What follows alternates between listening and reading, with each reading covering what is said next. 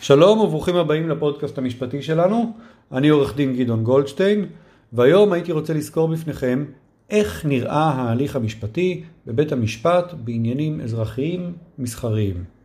לפני שנתחיל, ההערה הרגילה שלנו, אין באמור בפודקאסט הזה כדי להוות ייעוץ משפטי, חוות דעת או תחליף לייעוץ משפטי אצל עורך דין. שנתחיל? מהו עניין אזרחי? מהו עניין מסחרי? אנחנו מדברים על סכסוך כספי, סכסוך על זכויות קניין, סכסוך נדל"ן. אני נותן כאן כמה דוגמאות, יש עוד הרבה. הפרות של חוזה, פגמים בכריתת החוזה, סכסוך בין בעלי מניות אה, בחברה, מאבקי שליטה, אה, סכסוך על אה, ליקויי בנייה או איחור במסירת דירה מקבלן. במישור המסחרי זה יכול להיות בצורת סכסוך על חוזה קבלנות. איחור במסירת הפרויקט מצד קבלן, לעומת שינויים בתוכניות מצד המזמין. משהו שיוצר איזושהי אה, מחלוקת ברמה החוזית, ברמה הכספית, ברמה, ברמת הזכויות, קנייניות, אובליגטוריות, נדבר על זה בהמשך. אה, אני אפתח כאן סוגריים, די גדולים אפילו. ישנם סכסוכים שנשמעים אה, דומה, אבל למעשה נדונים במסגרות אחרות. למשל, סכסוכים בדיני עבודה, יחסי עובד ומעביד, נשמעים בבית הדין לעבודה. סכסוכים בעניינים מנהליים, למשל עניינים, אה, ענייני מכרזים, אה, עניינים של רשויות מקומיות, אה, ידונו בבתי המשפט המחוזיים בשבתם כבתי משפט לעניינים מנהליים. סכסוכים ומאבקי שליטה בין קרובי משפחה, זה לא חייב להיות ירושות כמו שחושבים, או... זה יכול להיות גם עניינים מסחריים, למשל חברות משפחתיות שהאופי שלהם הוא שבעלי המניות ובעלי השליטה בחברה הם בני משפחה, יידונו בבית המשפט לענייני המשפחה. ישנם גם סכסוכים בעניינים מאוד ספציפיים אה, שיידונו במחלקה הכלכלית אה, שהוקמה בשנים האחרונות בבתי המשפט. אבל כאן המטרה שלי להציג סקירה מאוד כללית ורחבה כרגיל, ממעוף הציפור אם תרצו, של איך נראה הליך משפטי, אזרחי, מסחרי, קונבנציונלי נאמר כך, בבתי המשפט השלום אה, והמחוזי. אגב, החלוקה לערכאות בין משפט השלום לבין הערכאה מעליו, בית המשפט המחוזי, מתבצעת על פי החוק אה, בהתאם לעילת התביעה וסוג הסכסוך וסכומי התביעה, אה, וזה נושא בפני עצמו, סבוך, תשאירו לעורכי הדין שלכם להחליט לאיזה בית משפט מגישים את התביעה. אגב, עורך דין טוב יכול בהחלט לנווט תיק לבית המשפט שבו אפשר לומר שיש לו סיכויים שלדעתו הם יהיו טובים יותר. צריך אולי לומר כאן את מה שאולי הוא פתח לפודקאסט נוסף, מבוא לפודקאסט נוסף. החוק הוא חוק שחל כמובן על כולם באופן שווה במדינת ישראל. אבל מה לעשות, לא כל בתי המשפט הם זהים, ולא כל השופטים הם זהים, ולא כל עורכי הדין, הליטיגטורים, אלו שמייצגים מתמחים בהופעה בבית משפט, אה, מייצגים באופן זהה, אבל הם בוודאי יכולים לומר לכם שיש הבדלים בין שופטים בבית משפט כזה או אחר, בין חיפה לבין ירושלים, בין תל אביב או באר שבע, ו... ואפשר לרדת לרזולוציות. אה, יש גם הליכים מיוחדים שאנחנו לא ניכנס אליהם בפודקאסט הזה, למשל סדר דין מקוצר, סדר דין מהיר, תביעות לפינוי נכס של מושכר, אה, נכס של מושכר, המרצות פתיחה, צעדים זמניים, לא ניכנס לזה. כאן אנחנו הולכים איך נראה ממעוף הציפור הליך רגיל. השלב הראשון יהיה השלב של הגשת כתבי טענות.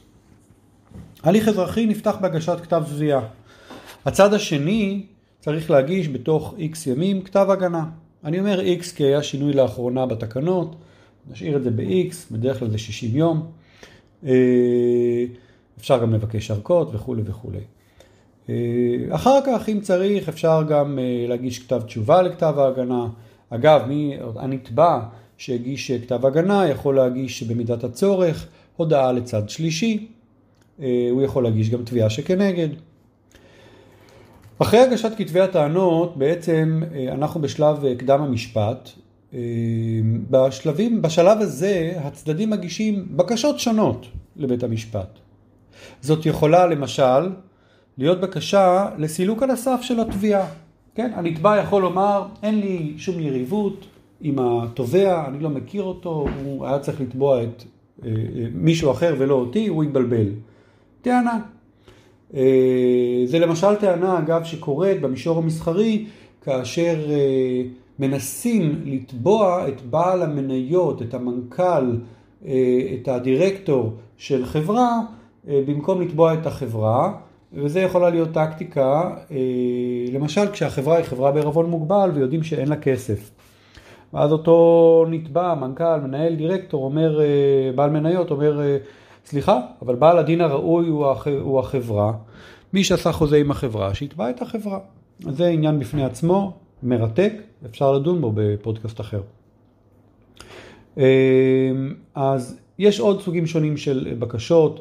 למשל, בקשה לצירוף של נתבע, בקשה להפקדת ערובה להבטחת הוצאות אה, הנתבע, בקשה למינוי מומחה. זה מאוד מאוד תלוי בסוג ההליך אה, ובהיקף של הדברים. אחד הדברים שהוא מאוד מאוד אה, ברור בכל הליך של, של קדם משפט נקרא הליכים מקדמיים, גילויי מסמכים, אה, שאלונים, אה, דרישה להודות בעובדות, דרישה למתן פרטים נוספים. לשופטים בקדם המשפט יש סמכויות רבות. אה, זה השלב שבו בעצם השופטים מנסים לגבש את הפלוגתאות והמוסכמות. לקבוע מה יהיו שלבי הדיון, האם למנות מומחה, באיזה דיון, האם לצרף צדדים, למחוק צדדים, אילו שאלות ואילו מסמכים רשאי צד אחד לשאול את הצד השני ולדרוש ממנו. אה, בשיטת המשפט בישראל אגב נוהגים בקלפים פתוחים, כלומר אם יש ברשות צד כלשהו להליך המשפטי מסמך רלוונטי לתיק, הוא חייב לגלות אותו. הוא לא יכול סתם כך בשלב הבא, בשלב ההוכחות, להפתיע את הצד השני בחקירה על דוכן העדים עם איזשהו מסמך שהוא לא ראה קודם ושהוא לא גילה אותו ואמר יש ברשותי את המסמך הזה.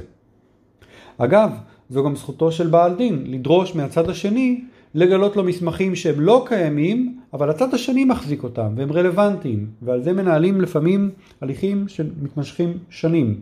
כן, הליכים מקדמיים יכולים להיות קצרים ותכליתיים, ויכולים גם להיות מסורבלים, להימשך שנים, זה מאוד מאוד תלוי בסוג התביעות, בהיקף המסמכים, ובכיס של הצדדים, כי קיום של הליכים מקדמי ממושך, בהחלט עולה כסף לעורכי הדין, וזו בהחלט גם דרך וטקטיקה להתיש את הצד השני ולדחוף לפשרה או לדחוף ל... לסגור את התביעה בצורה כזאת או אחרת. בסיום קדם המשפט אנחנו עוברים לשלב ההוכחות.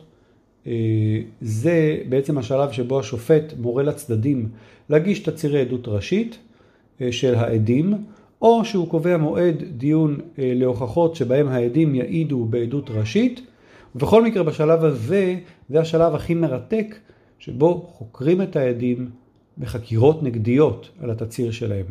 זה הרבה פעמים הסיבה שאנחנו עורכי הדין אה, בכלל הלכנו ללמוד משפטים, כי זה של, שלב העדויות והחקירות, זה מה שראינו בסדרות הטלוויזיה, וזה ה...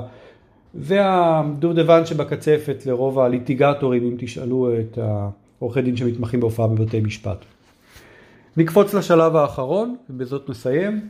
השלב האחרון הוא שלב הסיכומים. כאן תפקידו של עורך הדין המיומן להוכיח לשופט שהלקוח שלו צדק, להראות לו איך הוא הולך עקב בצד אגודל מכתבי הטענות שלו והטענות שלו, ואיך הוא הוכיח אותם בעדויות ובראיות אה, שונות ובמוצגים שהוא הגיש במשפט, ואיך הדין, החוק והפסיקה תומכים בעצם בטענות המשפטיות האלה. ועל בסיס זה מבקשים כמובן, כל אחד מהצדדים מבקש שהשופט יפסוק לטובתו. זהו עד כאן להפעם. אה, אני הייתי עורך דין גדעון גולדשטיין, שמח שהשכלנו, להתראות בפעם הבאה.